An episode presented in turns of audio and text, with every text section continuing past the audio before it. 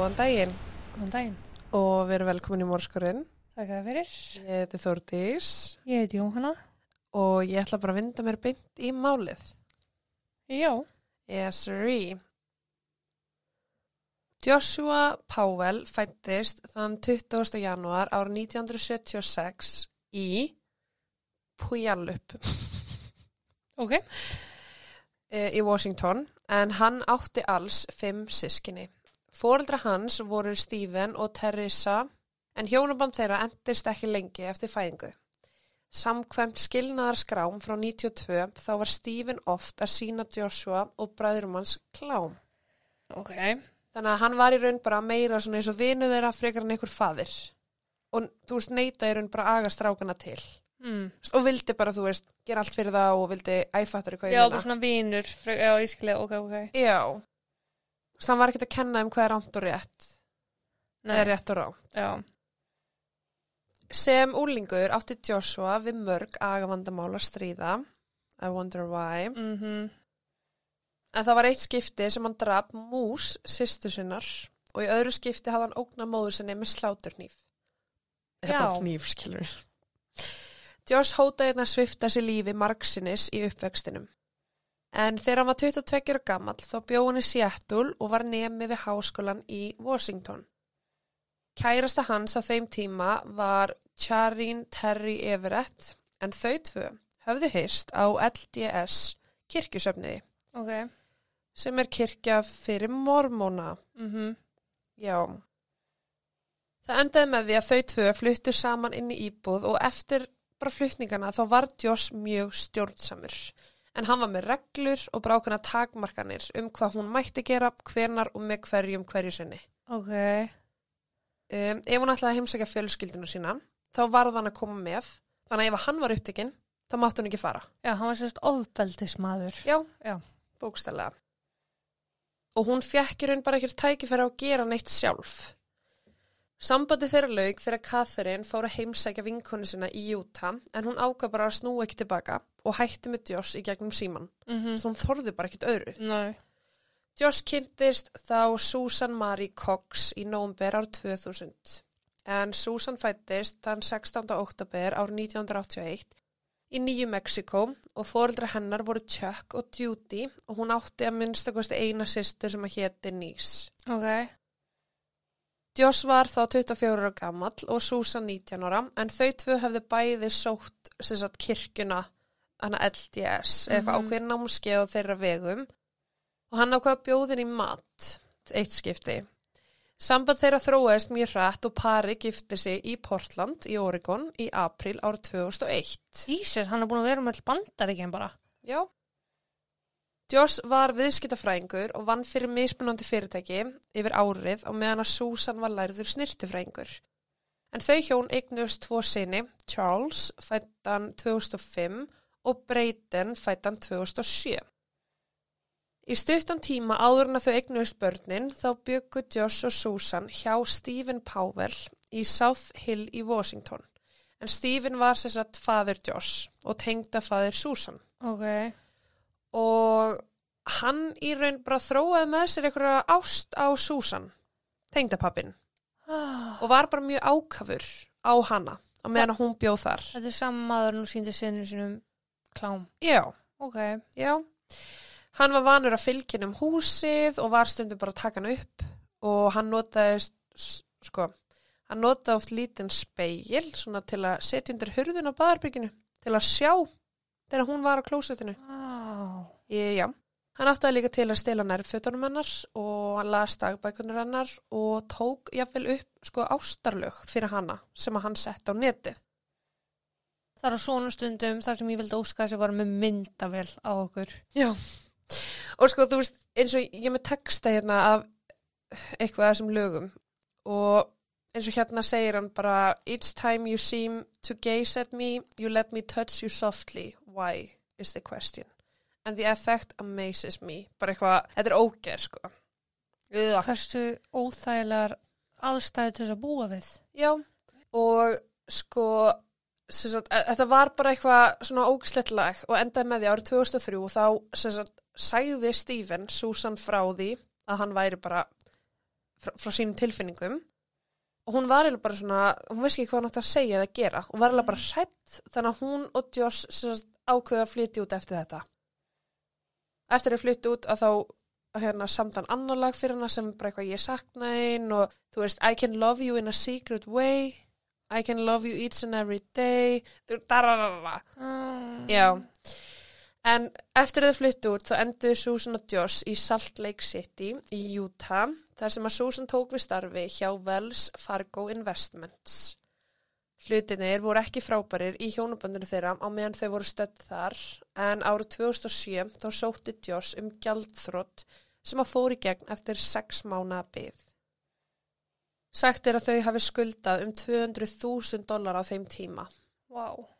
Strax eftir að hafa verið hreinsu frá skuldum vegna gjaldþrótsins, eða semst bara ferði gjaldþrót og þannig bara er allt nullað út Já, já, á já. þig, að þá hjælt hann sagt, til Home Depot, Depot, Uh -huh. Depot. já, þar sem hann opnaði kreditkort í nafni Susan. Hvernig er það bara hægt? Já, og sérst kreditkort, hann opnaði sérst bara viðskiptakort. Já, já, já. Hann skuldaði samstundis meira en þúsund dollara á því korti. En eitt af kaupunum sem hann gerði með kortinu var sagt, Rigid 18 volta verkfæra sett sem að virðist vera mjög tilviljuna kent núna. En við skulum samt muna eftir í síðar. Ok, ok, ok. Yes. Susan held dagbók á þessum tíma og hafði náttúrulega líka haldið dagbók þegar hún var, þegar byggu heimi á Stephen Mm og þú veist, þar til dæmis talar hún um í dagbókinu sinni að hún vilja að Josh fari meðferð þú veist, að hann fara okkur líf að, þú veist, hún vill bara í raun fá eigimann sinn aftur en það voru, hjó, það voru sérst erfiðleikar í hjónabandinu hann var búin að setja þau allt inn í gjaldþrótt og var bara orðin brjálar og reyður maður Já, já, þú veist, það var bara mikið streyta í kringum allt þetta og ég skilði alveg, skilur, úr þetta endar í gjaldþrótti en ég meina, Mhm. Að það er auglustlega eitthvað meira en bara fjárraksvandræði í gangi að sko. uh, já, það er það sko. Hún líka skrifaði tölvupósti vinkonu sinnar um, í árið 2008 þar sem hún segir frá því að hún sé bara mörkunum við það yfirgifan og taka strákana með. Já. Susan tók upp myndband í júli árið 2008 þar sem hún rannsakaði eignatjón sem hún rakti til Joss og gerði einnig bara svona ákveðna erðaskrá Mm. sem að innihjalt eftirfærandi lýsingu. Sist, hún sjálf var Mhm. bara eitthvað, ok, ég ætla hérna búa til erðaskrá fyrir mig Já. þó þau séu gift. Mm Bara eins og kaupmála. Já, já. Þar segir hún, ég vil að það sé staðfest eða skjálfest að það er mikil ringulreið í hjónabandun okkar. Ef ég dey, þá er það ekki slís. Jafnvel þó lítið út fyrir að vera slís. Þú veist, bara punktur. Það er bara mjög, mjög, mjög. Já, og þessi erðaskrá hennar, eða þessi yfirlýsing á skjali, uh, var geimt í öryggishólfi sem að Joss vissi ekki af. Ok. Sniðug kona. Mjög sniðu kona. Þann 7. desember ár 2009 sóttu Susan og tveir sinir hennar kirkjuna. Neitun Joss sem að fara í kirkju hafði verið sár liður í hjónabandi þeirra um hríð. En sérst, Joss var bara ekki sá sami. Mm Þú veist, þau hefðu kynst hann í allar stíða kirkjunni, Já. allt ég er. Já, allt ég er. Ok, í allar stíða, ekki eitthvað svona. ok, já. Þau sérst kynst í þessar kirkju og, og hann var í raun bara hættur að þú veist, sinna einhverju sem að tengdist trúnni þeirra. Mm -hmm. Þau eru sérst að ganga hana heim eftir kirkjuna og þau ganga heim með vinkonu hennar, uh, Kirsti, Kirsi Hellevel uh, og koma heim. Nágranni þeirra, Joe Anna Óvings, kom inn á Páel heimilið að heimsækja Susan þann 7. desember og þau borðuðu saman sérst pönnukökur og egg. Mm. Susan sagði Joanna um 17 að hún væri þreytt og vildi fara að sofa. Joanna yfirgaf því heimili á sama tíma og Josh en hann sagðist vera að fara með Charlie og Brayton á sleða. Joanna fannst ekkert óðurlegt í fari Susan þann daginn en hún tók eftir því að Josh var að keira að heimreið sinni og inn í bílskurinn klukkan 20.30 þann sama dag. Þannig að klukkan 17 fyrir nágranninn heim, Já. Uh, Susan fyrir að sofa, hann fyrir sleðaferð með Charlie og Brayton Mm og er síðan aftur komin heim kl. 20.30 og er að bakka bílnum að bílskortum. -hmm. Joss ákvað síðan á miðnætti þann 7. desember að fara með strákuna tvo sem að voru þá tveggja og fjögrara í útilegu. mm. Hann sagðist vera að fara með þá á Simpson Springs tjálstæðið sem var bara nokkra kílometra vestur af Vernon og það var bara eitthvað svona afskekt svæði. Mm -hmm. Hitastegi þann dag var um mínus 14 gráður sem þegar það var sem kaldast og mínus 6 gráður þegar það var sem heitast. Og það var einnig líst yfir snjóstormi svo það virtist vera mjög áhugavert. Hann skildi af að teki börnir sín tvö í útilegum án einhvers undirbúnings eða bara, ef mér skríti að vera bara, hei, ég var að fara að tjálta í kvöld. Mínus 14 gráðum. Já, það er hérna um, barnavendamál í mínum bókum, en Já, en á sama tíma var líka bara eitthvað svona, ok, þú veist, Susan var þreytt, hún vildi leggja sig og hann vildi bara gefa henni frið. mhm, Ok. mhm, Setna þann sama dag, 7. desember, hafði dagforeldri Powell fjölskyldunar áhyggjur þegar Breytin og Charlie mætti ekki eins og áallega var. Hún reyndi að ringi Josh og Susan en hvoru þeirra svaraði símanum. Hún ringdi síðan í móður Josh og systur hans sem að ringdi á lögluna. Það er bara, þú veist, ef þú átt að vera að fara með batni eitt dagforeldra, þú mætir ekki, svara ekki símanum, já, að þá er það bara strax löglumál. Puntur. mhm, Það er bara, þú lætur vita að þú ætlar ekki að koma með batni í dag. já, Lörglan braustinn á heimili Powells þar sem að þeir óttuðust að þar gæti eitthvað hafa gerst en það var engin heima. Þeir tóku hins vegar eftir blöytum bletti á teppinu inni á heimilinu. mm, Veski Susan, taskanannar og skilriki fundust á heimilinu og það var líka mjög mikil svona hreingerningarlikt. mhm, Josh kom aftur heim klukkan 17.00 þann 7. desember. Hann fór sérst miðnætti 7. desember, aðfara nótt 7. í útilegu. já, kom heim fimm daginn eftir. Hann var strax færður á lauruglustöðuna og yfir heyrður en saga hans var svo að Susan hafi verið sofandi þegar hann fóð með strákana í útilegu. Hann sagði að hún hafði ekki farið með vegna þess að hann leiði eitthvað illa og vildi bara sofa.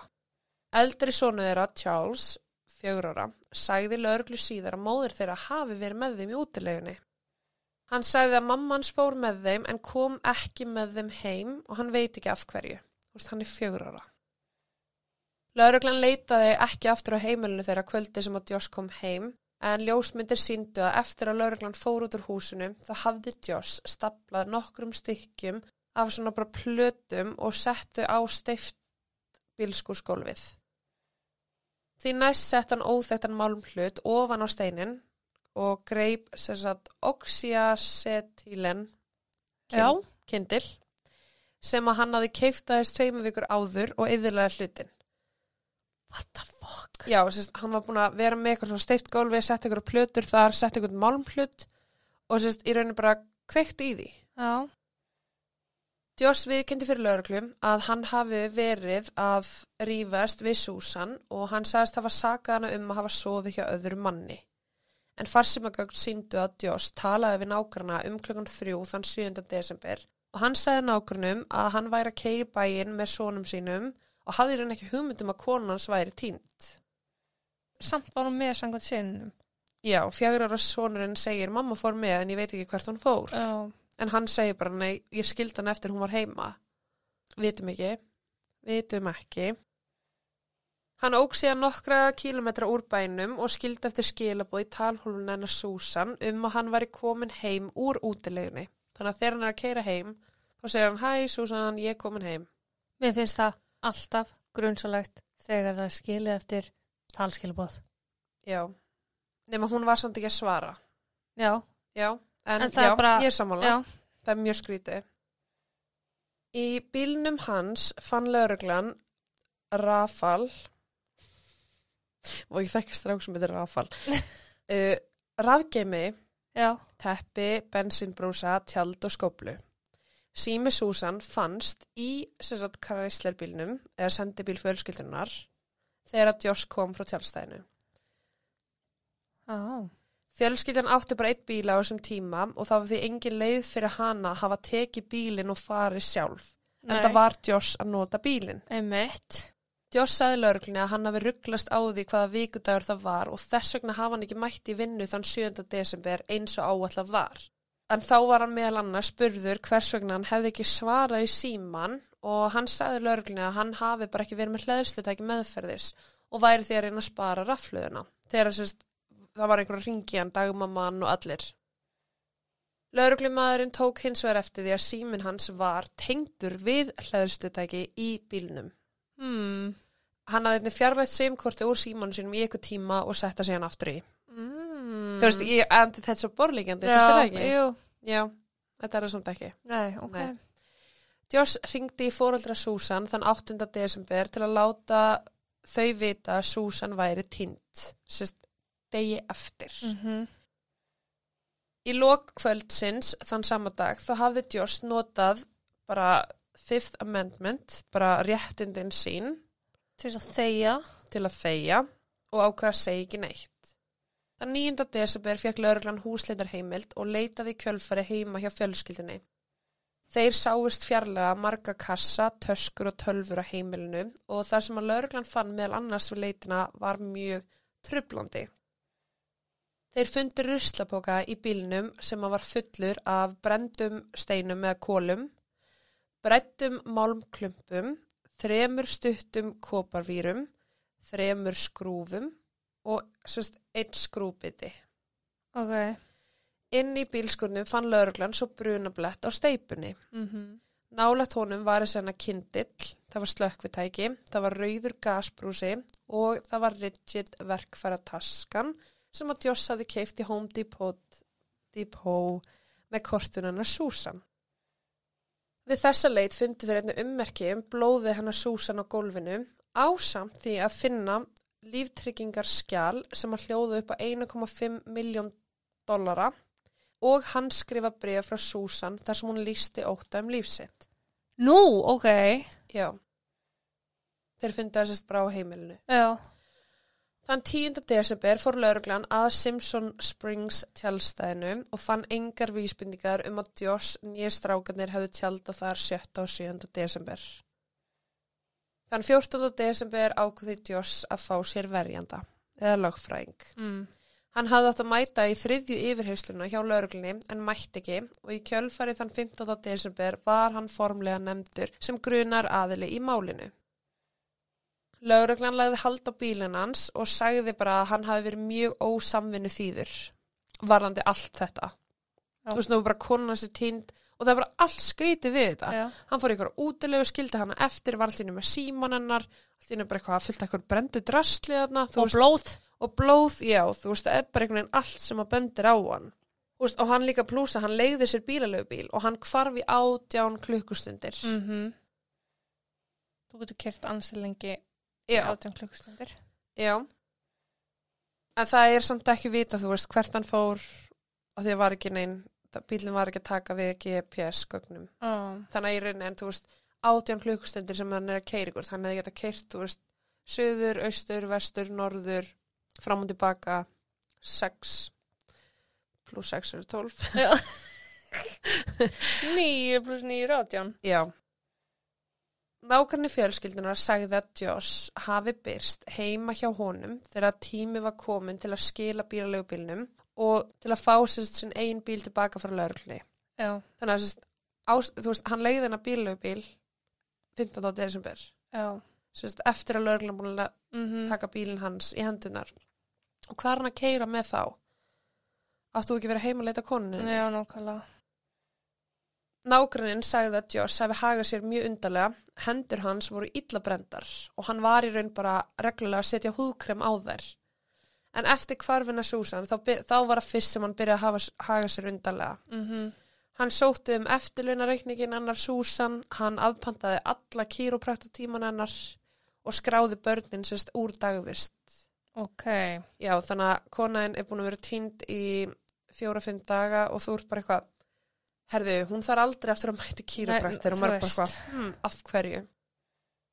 Nokkri vinnufélagar hans hafa líka stegið fram og sögðu að hann hefði mikið talað um hvern, að hann vissi hvernig ætti að fela lík og þá í sagt, yfirgefinni námu í verstu hluta Júta eðumörkinni. Já. Nokkru vikum eftir hvarf Susan og áður en að strákanir voru fjarlæðir úr dagvistun þá greindi kennari frá því að Charlie hafi sagt sér að móður hans væri látin. Breytin teiknaði líka mynda bílnum með þremur aðilum í og sagði sérst ummun, umvönunar aðlum að mamma hans væri í skottinu. Oh. Það er líklega ástæðan fyrir því að Joss ákvaða að taka strákana úr, er, já, já, en það var hann hrættur um að þeir voru að fara að kjafta frá einhverju. Joss fór með þá til Puyallup til að vera hjá Stephen afa þeirra yfir jólinn.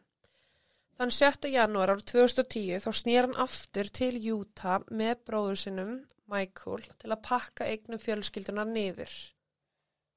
Suma fréttir herma eftir að Joss hafi flutt aftur til Washington eftir að hafa mist vinnuna í Utah. Hann hafði þó mist vinnuna hjá Aspen Logistic þar sem að hann hafði unni sem forritari en hann hafði sérst mist vinnuna fyrir að mæta ídrika ekki á vakt og hann var aldrei að skrá sig inn veikan. já, Þegar Joss og strákanir fluttu til Washington þá byggu þeir með Stephen Powell og bræðurum hans Joss, Michael og Jonathan og systur hans Alínu. Joss fór aftur heim til West Valley City til að gera nokkra viðgerðir á heimilinu sínu þann 28. janúar en að meðan að hann var þar þá tók lögreglan hald á bílinn hans aftur til að framkoma frekari rannsó. líka bara að gera eitthvað viðgerð á húsinu. Já, Forgangsröðunin er í fokkivinur. Já, það er bara hún er ekki til staðar. Þann 15. februar hjælt fjölskylda Susan blaðamannafund í Pallup. Þau sögðu að Susan hefði mátt þóla líkamlegt ofbeldi að hálfu Joss og töluðu ítalega um hjónabans erfileikana sem að þau sögðu stafa af því að Joss var mjög stjórnsamur. Mm. Susan hafði greinlega sagt fjölskyldu og vinum að hún ætlaði yfirgjan fyrir brúðköpsammalið þeirra sem var 7. apríl ef að sambandi myndi ekki batna. Og sambandið þá meina í Joss. Já, Lörglann fór að skoða nánar Powell fjölskylduna og þeir ákveðsist bara að fara lengra heldur en Joss. mm Þannig að þeir fóru inn á heimili Stephen Powell, sérst pappa Joss, og þar lögðu þeir hald á tölfur heima hjá Stephen og fundu meðal annars 4500 myndir sem að teknar voru af Susan án hennar vitindar. bara, Þar á meðal nærmyndir af ákveðnum líkams hlutum á hennar líkama mm. sem að, já, hún mögulega gaf ekki leiði fyrir. hvað kynfæri þá eða? Já, bara alls konar, þú veist, ég minna hann var það með speilin undir baðarbygginu, hvað lá hann bara gólfinu og var eitthvað hérna að horfa á hann á míga, skilur, hvað er heillandi við það að sjá eitthvað míga? Ekkert. Nei. Eða í sturtu, skilur, ég veit það ekki, en þú veist, Já, en eitthvað séu bara ógstrætt. hann var brókið. Lörgland beindi einni aðtökli sinni að Michael Powell, bróður Josh, eftir að hafa frétt að hann hafi selt sem sagt bilaðan Ford Taurus bíli sinn í bílapartasölu bara mjög stuttu eftir að Susan hvarf. Mm. Hann virtist einni hafa pantað og borgað fyrir gerfinhattamyndir af staðnum sem að, fargað, sem að bílnum var fargað Áður eða eftir. áður. Mm. Þegar lauruglan fann bílinn hans þá fann þefindur lauruglunar lykt sem að var merki um að sagt, rótin mannslíkami hafi verið í skottinu. Já. DNA rannsóknir á bílnum komu hins vegar ófullnægindi tilbaka. Þú veist, Það er líka bara ef það er einhver vafi þá má ekki nota sínið. nei, Þú það er ekki hægt, sko. Samband fjölskyldu Susan og bara Powell fjölskyldunar varð sífælt skrýtnara eftir því sem að mánuðinni liði. Joss og pappan Stephen rætti við fjölmjöla og sögðu frá því að Susan hafi sérst vilja vera í sambandi með Stephen. Já. Stephen hjælti fram að þau tvö væru ástfangin af hvort öðru og hann nefndi meðal annars dagbókinana hennar dagbókina sem að skrifið var þegar hún var úlingur til að styðja við baki á þeim orðum sem hann hafi sagt með að hún væri ástfangin af honum og er líka að tala um að hún hafi verið mjög andlega óstabil og hún hafi bara viljað flýja burt með einhverjum öðrum manni en Josh Mm. og það hafi verið Stephen. Hann sagði líka uh, bara fréttamilum á staðnum að á einhverju tímpunkti hafi hann og Susan verið að reyna við hvort annað og inn í því bara, sem inni hélt meðal annars kynferðislega snertingar og hún hafi notið þess. Cox fjölskyldan, alltaf bara fjölskyldan hann Susan, sagði í fjölmjölum að Joss hafi haldið börnum þeirra frá Susan og hún hafi haft takmarkan aðganga sínum eigin bankareikningi, jafnvel þó að hún hafi verið með mestu tekinnar inn á heimilið. Mm. Þau sögðu að hann myndi ekki gefinni næga peninga til að kaupa mat handa börnunum, svo hún neittist til þess að rækta sér degi í gremmiti. Þannig ertu við sko með líka bara pappa, tengdapappaðinn sem er bara eitthvað ógeð Mm og hann er að koma fram og bara eitthvað fyrir fram Josh. -hmm. Og ég og Susan áttum í ástasambandi og við ætlum að byrja saman og hvað er Josh bara eitthvað flottur pappi minn. Já, Þú veist, er allt í eða einu bara, já, ég veist. Ég er að segja, þú veist, er barsmóð þín alltaf að fara að vera stjúpmamæðin? Æstu, maður er bara eitthvað svona, og hvað eru þá börnin þín sískinni eða þú veist, Mhm. hvað meinar Og hann er bara eitthvað, "Mm, já, svona er þetta. Það er náttúrulega bara allt gert til þess að hilma yfir staðrindina, sko. já, en á sama tíma er ég bara eitthvað, þú veist, ok, hver hafði mest móti við? Josh eða Steven? Þeir eru báðir skrýtnir, sko. Ég held að Josh hafi gert eitthvað og Steven sé fá að njóta þarna að vera, þú veist, uh, þetta er svona eins og að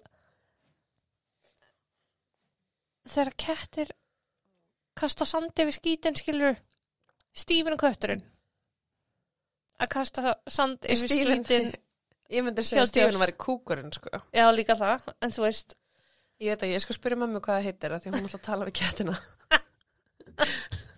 en ég veit ekki hvort að tala um.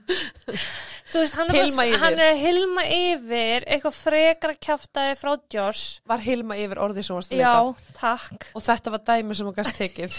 já ok, ok, ok.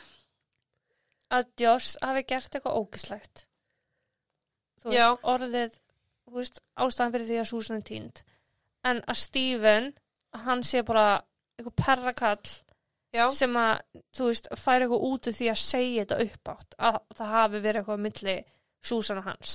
Já, og þannig sé hann ná að dreifa aðteglinni frá Josh. Akkurat.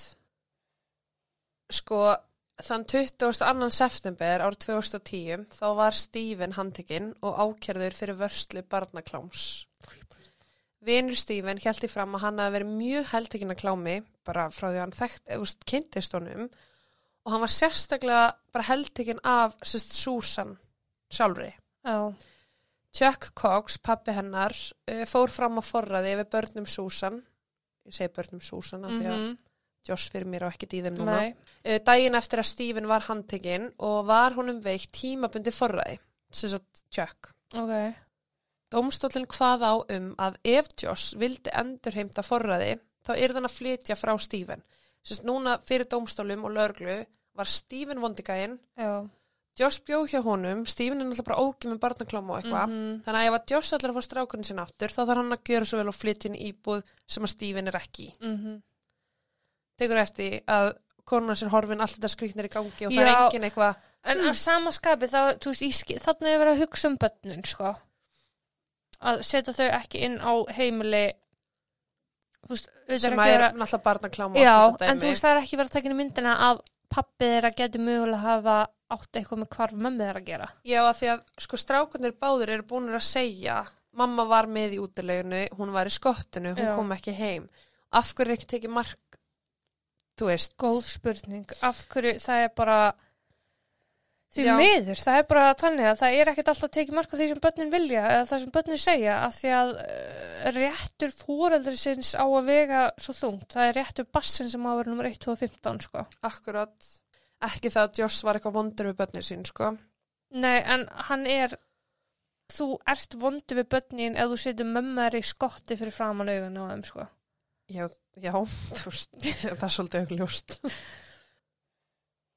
en já, sem sagt, uh, Joss ákvað því að leigja sér hús í South Hill, en lörglan, þú veist, komst að því síðar að hann fluttir inn aldrei ángað og var aldrei að borga hennar leigu, en þetta var bara sérst tilbúningur til þess að endurheimta börnin. Hvað var hann bara í góðu samlæti með pappa sínum? Já. Jennifer, sýstir Joss, sem að hafði raun slitið sér algjörlega frá fjölskyldinni, Mm. Hún samþykti í janúar árið 2010 að vera með hljóðnema á sér og vinna satt með lauruglunni í vonum að fá einhverju upplýsingar út úr Joss. Ok. Joss neitaði alfarið að ræða hvarf Susan við Jennifer og vittnaði bara oft í lögfræðingi sinn. Nú er þetta að tala við sýstuðina, sko. Já. Jennifer og faðirinnar höfðu lent í reyfrildi og hann hafði hent henni og eigimanni hennar út úr húsinu og sagði bara þau væri ekkert lengur velkomin ágað. Jennifer kom eftir þetta, kom hún ofinbarlega fram í fjöl, miðlum og sagði bara Josh er ábyrgur á hvarfi Susan Mm sem er ekki, ég veist ekki þekki fjölskyldunum mína sko. Já.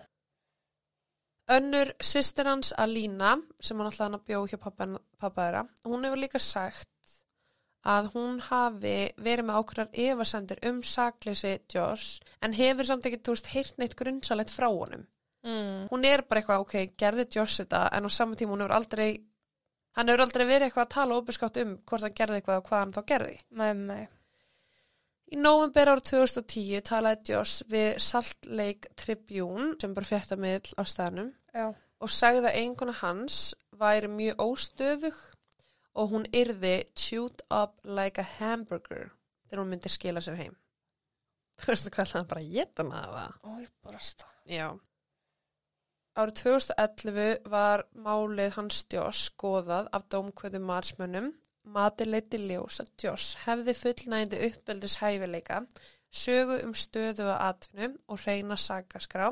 Þar á meðal enga sögum heimilisofbeld á skrá. Hvað er bara staðallin engin? Já, þú veist, þetta heimilisofbeldi hafði aldrei verið tilkynnt. Nei, en ég meina uppaldis, þú veist. Ég veist, það er ekkert annað fyrir, fyrir þessa aðila sem að koma kannski inn í mál og hafa ekki heyrt neitt Nei. að þá eru kannski bara við tölvuna.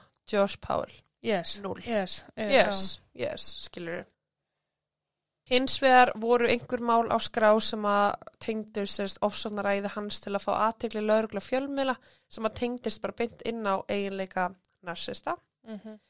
yfir þeirra mútið hegðun hans við síni sína og hvernig hann bara sé í máli konuna sinnar. Þú veist, það er bara, það er ekki neitt búið að tilkynna hann fyrir eitthvað heimilisofbeldi eða hitt og þetta. En, en hann er samt, þú veist, pjúra narsisti, bara eins og Mhm. hvernig fjölskyldna lýsir honum að, hérna, hún mátti ekki eins og fyrir að hitta neitt nema með hans leifi. Já, sjúkt, sko. Upphaflega ráðlegging í kjölfar matsins var svo að Joss fengi að heimsækja síni sinna undir eftirliti félagsráðgjafa nokkru sinnum í viku.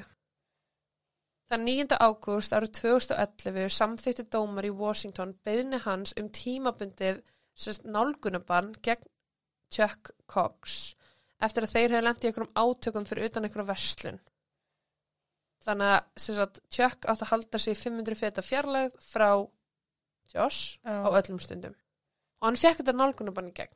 Bara fyrir um tengda, eða tengdapappi minn Já. er bara hérna ásækja mig og þeir bara já, gjör svo vel. Jesus Christ.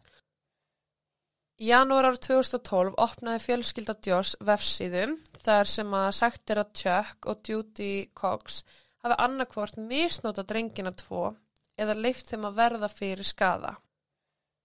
Vefsíðan var stopnuð nokkru dögum áður en að málsmeðferðin um forræðisteilina byrjaði. Já, gæta verið. Já, og var síðan lokað. Síðustu vikun í janúar fann lauruglan 400 myndir af barnaklámi og sifja bara spell myndum í tölfur sem að lagt var hald frá heimili Power fjölskyldunar en Susan hafði sérst keift þessa tölfu notaða. Myndirnar voru í raun ekki ólöglegar þar sem þetta voru allt teikningar en ekki alveg, ljósmyndir. En vöktu samt ákveðnar áhyggjur hjá sálfræðingum, sérstaklega í ljósi þess að Joss hafi sagt, nei, ég er ekki með neitt klámefni heima, Mm -hmm. svo finnst talvan með 400 myndum að eitthvað, hvað, aním klámi? Já. Já, þú meinar, þetta var ekkert eitthvað óli prik, þetta var bara svona raunverulegar, Já, þú veist, þetta voru bara teiknaðar myndir, Já. þetta er ekki Jóna og Karl Nei, að ríða, nei. skilur við, en þetta er, þú veist, þetta er svona anim. já, anime, Já, ekki. já, örgulega. En þetta er náttúrulega bara, þú veist, að sjálfsögðu vakti bara áhyggjur. Já. Já, þannig að 1. februar ára 2012 þá skipaði, fyrirskipaði dómari að Pául börnin yrði áfram í haldi fóreldra Susan, Chuck og Judy. Gott. Já, mjög gott. Josh hóf þá að plana hvernig framtíð hans myndi verða. Í kringum februar ára 2012 þá gaf hann strákurum sínum leikfengu bækur, ringdi mikið í þá og skrifaði þeim bref. Hann fyllti svo tvo 5 lítra bensinbrúsa af bensinni. Þetta er ekki að fara að stefna neitt gott núna. Nei. Eitt af síðustu samtölum hans var til sýstur hans en hann ringdi hana og skildi eftir bara skilabói talhólfi og sagði Þetta er Josh, ég ringi til að kveðja, ég get ekki lifað án svona minna og ég get ekki haldið þessu áfram lengur. Mér líður illa fyrir hönd allra sem ég hef sært. Bless. Þú ert að hugsa út í það áður og framkvæmdi það sem þú framkvæmdir. Já. Þann 5. februar á 2012 fekk Joss að hýtta strákana sína undir leiðsögn félags ráðgjafa. Dægin fyrir heimsögnina hafði Brayden sopnað við að horfa myndina Cars á meðan Charlie svaf með spætumann rúnteppi sitt. Strákarnir voru orðinir mjög þreyttir eftir dægin þar sem að þeir hefðu hort á frænda sinn spila körfbólta. Dægin eftir, semst þann 5. februar, þá fengur strákarnir morgumatt. Tjökk fór svo í kirkju og Joss krafðist þess að drenginir myndu ekki fara með honum í kirkjuna. Þeir ættu sérst bara að vera heima með hann og hann vildi bara ekki að strákarnir sinni færi kirkju. Mm. Sem að spyrsa alveg, þú veist, ertu allt í hennu bara um trúleysingi eða? Já, um eitt. Og af hverju? Já. Drengirnir voru síðan sóttir af félagsrákjafanum um 11.30 en hún ætlaði að fara með þá í fyrirfram plana þryggja tíma heimsókn heim til Joss. Mm. Þess að hún þarf náttúrulega að vera með á hverju stundu. Mm Hún fór með börni þangað en þegar hún kom þá opnaði Joss hurðina, greip strákana og skellti hurðin í andlita á henni. Hún ringdi neðalínuna eftir að hafa bankað nokkur sinnum og kalla á Joss. Þegar Joss hafði tekið strákana inn til sín þá réðist hann á þá báða með exi. Hann landið á í spað eða höggvaði þá í spað. Hjó. Hann hjó og sendi síðan tölvupóst um hvað ætti að gera við peninganans sem hann náttúrulega bara átti ekkert Mm. og aðra muni til frænda síns og vina. Félagsar ágefin held áfram að berja hurðina meðan hún beði eftir lauruglunni og fann skyndilega gaslikt. Hún færði sig frá húsinu og svipum tíma þá kom sprenging. Josh, Charlie og Brayden voru allir látnir. Niðurstöðu krupningar leiti ljós að Brayden hlaut högg áverka af exinni í höfuð og háls. Charlie mittist á hálsinum. Hryllileg uppgötun var að strákarnir báðir voru á lífi eftir axar árúsina og létu sérst vegna kolmónoxíð eitrunar eftir að Joss hafi kveikt í húsinu. Mm. Hann hafi fyllt 2,5 lítra brúsa með bensinni og dreift um heimilið en eitt brúsin fannst hjá líkonum. En flestir tölvupóstanir sem hann hafði sendt eftir hann hafði ráðst á sinni sinna var bara fyrirgefðu og bless. Og ég fæ bara svona, ég Mér fæ finnst það bara, mér finnst það, ég er alveg bara svona orðlu, sko. Ég, Ég líka bara sko, þeir lifðu af, já. sko fjögur ára barn, lifir af höggarás uh, í háls og höfuð. Mm Þú veist, höfukúpan hans er ekkert og hann deyr sérst, úr sárum sínum vegna innöndunar á gasi -hmm. eftir að hann kveikti í húsinu. Þessi segur okkur hann leiði trúlega slíka sprenginguna af, sko. Já. Þetta var eitthvað sem að Joss var búin að plana. Hann ætlaði sér að gera sama hver myndi slasast í leiðinni. Lögfræðingurinn hans Joss sagðist að fengi eitt þessar á tölupósta þar sem bara ístóð, fyrirgefðu, bless. En í raun hann sá hann ekki fyrir tveim tímum síðar þegar hún var tilkynnt um að sprengingin hefði átt sér stað. Og Joss talaði ekki um Susan í neinum á þessum tölupóstum sem hann sendi. Nei. Dánur orsök voru því náttúrulega bara sjálfsvík Mm og ég bara murder suicide Mhm. vegna þess að hann tók sinni sína með sér Aumingi. mikill aumingi, mikill, mikill, mikill aumingi Tjökk talaði um ástandið og hjælti fram að Joss hafi bara mistjórn á lífi sinu hann var í fyrstu handveis um að hann myndi fá strákana aftur en þegar hann áttaði sig á því að það myndi líklegast ekki gerast sérst Joss -hmm. sérstaklega þegar myndina fundist í tölfunni og þá var þetta bara búið. Hann sá bara enga leið út úr þessu. Michael bróður Joss hafi verið nefndi bóta þegar í líftryggingu Joss og þegar lauruglan tilkynnti Steven um andlatið þá virtist hann í raun ekkert vera í miklu uppnámi yfir því. En hann var reyður út í lauruglan fyrir að hafa sagt sér frá því. Mm. Já. En þegar átt fyrir skort á þessum tilfinningum að þá var Steven sem settur bara á sjálfsvíksvakt, bara Mhm. 24-7.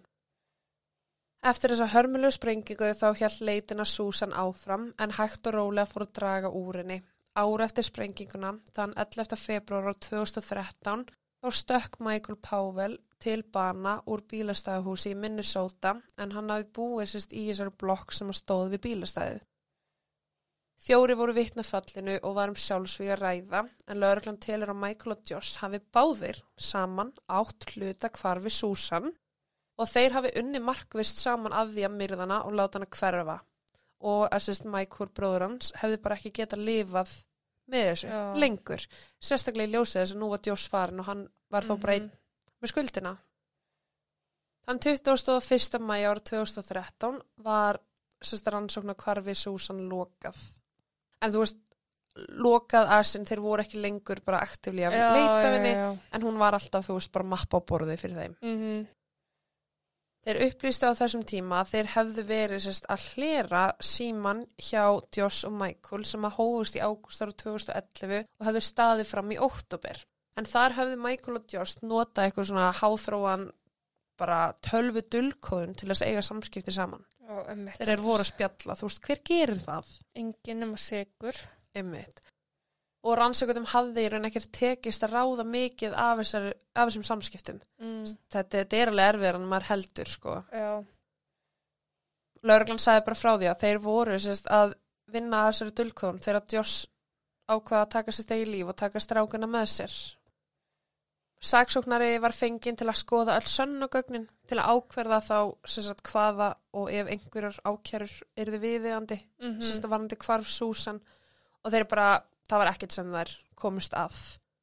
Það var samt sem aður lagaleg barótta um sérst, bú Susan eða heimilegra Já. sem að nú að Joss látin Susan er horfin Mm -hmm. það er ekki búið að úrskurða hann að látna þannig að í rauninni geta þær ekki tekið þetta sem dánabú Nei.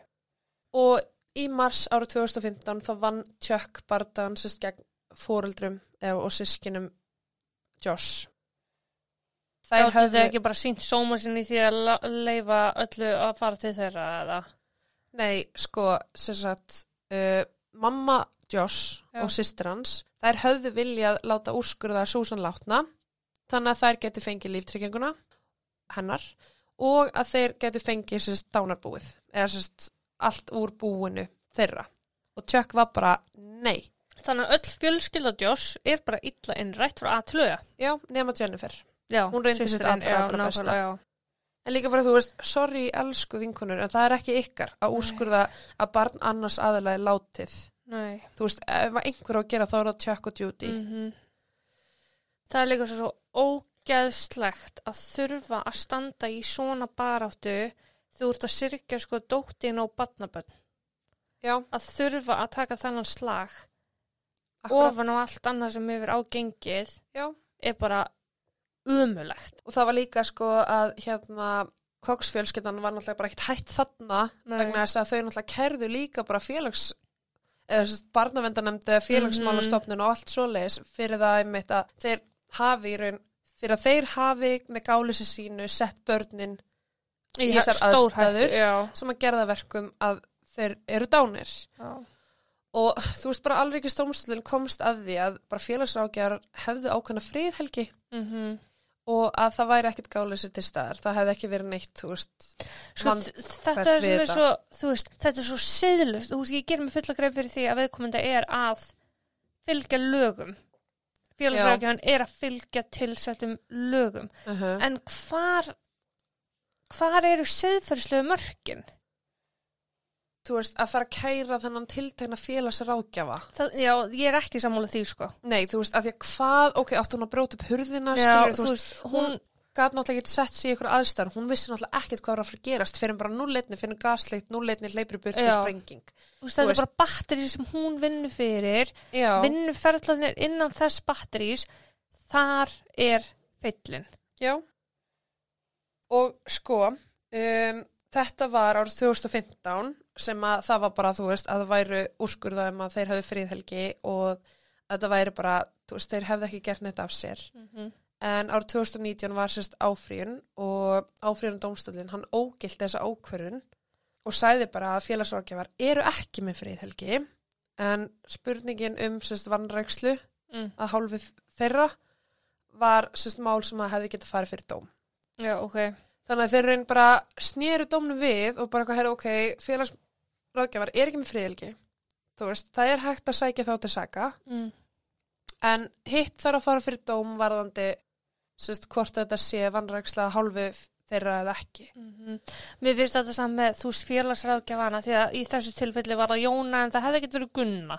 Já, Þú veist, þú veist, að, þú veist ekkert í hverju þetta lenda skilur og auðvitað náttúrulega, mér finnst þetta ekki mér finnst þetta kannski ekki að vera þú veist, úrskurðin, úrskurðinum mm, um að Joss ætti að fá börnin þá og þegar. Já, og hann átti, þú veist, átti kannski frekar að koma á þeirra þú veist, innan veggja þeirra já, já. Og hitta lögreglufylgd eða Já, eitthvað svoleið, skilur, en auðvitað, þú veist, maður gæti ekki séð þetta fyrir. Nei, En sem sagt, uh, fjölskyldan kærði og kviðdómar úrskurðaði að þetta fyrirtæki, fyrirtæki félagsráðgjafa, mm mm. bara barnavendarnefnd eða whatever, DSHS, hafi verið sérst að vanrækt skildu sína mhm, og þau fengur sérst 98 miljónir dollara í bætur. fyrir dánar, já, dánabætur fyrir són inni Súsan. Já. Ég meina, engin peningur getur nokkuð tíma Mm, bætið fyrir nei. hvað gerist. Um, fjölskylda Susan, hún þrýsti einni á sérst bara þingmenn og bara lögreglustjóra á alla í Washington og Utah að samþykja lagafrumvörp sem að myndi sérst takmarka eða loka algjörlega umgekisrétti fóreldra sem að eru undir rannsókn Mm Fyrir morð. Þannig að, þessi, að þetta að gerast Nei. það er bara ef það er opið morðmál eða eitthvað slikt í gangi, ofbelsbrot eða heimilis, eitthvað svo leiðis Mhm. Að þá eiga þær ekki að fá, þá bara loka umgeinsrétt samáttur þessi móðurinn eða farin, Já. skiptir ekki máli. Nei, og ég er sammála því. Já, ég er bara sammála því. sem leið og máli er búið, þá bara gjör svo vel. Hér er börnin, þú varst ekki segur, skilur bara, æ, þú veist. Já. Þetta er mjög gott mál til að hérna hafa til hliðsjóna hvað það var að hvernig þetta getur endað og af hverju maður á frekar að vera varkar og byggðast þá frekar afsökunar á því heldur en að taka sjansinn sko. akkurat um, Stephen, pappin hann var látin laus og fangilsi 11. júli árið 2017 eftir að hafa aðplánað sjö árum fyrir að vera dæmdur húnna fyrir barnaklámið Mm -hmm. og lest sagt úr ykkur fylgi kvillum hjartavandamóla uh, árið síðar eða 23. júli árið 2018 hann sagði aldrei neitt frá eh, hvað hann vissum og hvað hann vissi ekki um hvarf Susan og margir telja hann hafi bara raun farið með lindamál til grafar mm, Hundrað. Já. Jennifer, sýstir hans kom meðal hans fram og hún sagði bara frá því að þú veist, hefðu reglulega verið gerður einhverja leitir hér og þar sem voru bara raun skipulegar á fjölskyldunni og bara sjálfbúðaliðum og eitthvað. Mm. og hún sagði henni frá því að það væri sagt, uh, podcast eða hlaðvarp sem að færi nánar út í málið sem að hún var bara mjög ána með. Það væri verið að vekja átekla á þessu að því hún er bara, Josh bróð minn er ógeð papp minn er ógeð og þeir gerðu eitthvað við Susan. Mm -hmm. Og hún sagði raun bara, þú veist, ég held virkilega að málið hennar Susan verði kalta eilifum, svipað eins og með málið hennar Móru Murray. Það er bara hennar orð. mm. Hins vegar, í februar 2022, þá byrti YouTube-rásinn, sérst Heavy D. Sparks, sem að er í eigu Dave Sparks, framlegenda Discovery Channel þáttarins Diesel Brothers, sem ég veit ekki raskat hvað er, Já. skiptir ekki máli. Hann byrti sérst fjögur myndbönd sem, voru, sem voru tekin upp á 11 dögum þar sem að var verið að grafa upp sérst 225 feta námustokk Mm. sérst dýft Mm -hmm. eða námu í rauninni í Júta og þessi staðsending var í grænd við svæði sem að eiginmaður hennar eða Joss sagðist hafa farið í útilegu kvöldi sem að konun hans hvarf Mm. og það hafði sérst á þessu svæði þá var búið að íta einhverju svona um, þú veist, einhverju skafti sem á að loka fyrir þetta þá búið að brjóta það að íta því einhverju til Ok.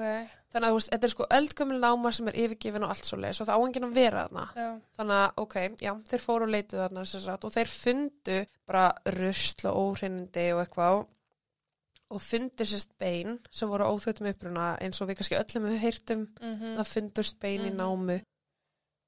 Því miður þá kom það í ljósa að það var ekki beinin hennar Susan. Eins leðilegt og er að því, þú veist, ég var sjálf bara, oh my god, please, Mhm. vera beinin hennar. En þú veist, ok, kvöldir sem hann fór með henni í útilegu, hún var í skottinu, Mhm. já, en það er svo margir aðeins staðir á leiðinu heim eða Mhm. þarna, þú veist, sem hann hefði getað kert. Þetta er heil, þú veist, þetta eru tólf, nei, þetta eru meira, þetta eru, þú veist, átján tímar Já. sem hann hefði geta gert eitthvað og er með hana hvert sem er og brendana, ég meina hafa með eitthvað brunasár puttanum mm Mhm. skiluru og plúsa eftir þetta, eftir að lögreglan tók hald, laði hald á bílinn sem hún var augljóslega í að því síminn hennar var þar Já. að þá leiði hann sér ykkur bílaubíl og kerði átjón tíma hvert Mm þú veist, var hann þá að fara aftur á staðin til aðtöfa með hana er hún bara aska í dag Já. þú veist, já en það er, þú veist, inn á milli er svona ein og ein leit sem er gerð hér og þar og þetta er náttúrulega bara, þegar var verið að leita í þessari námi, þá var náttúrulega bara verið að leita af Susan Powell punktur, sko Mm en hún er í dag en ófundin Ég með trúlega ekki til með að finnast.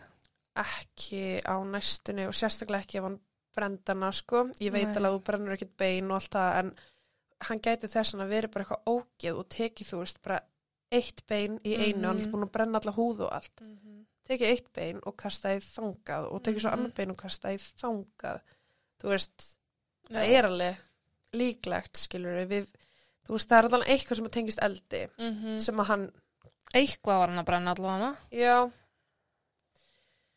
þannig að já Josh og hans fjölskylda ekki allir en þau eru bara eitthvað annað level Ógæðsleg. já og í raun er bara Susan ennþá horfin í dag Já.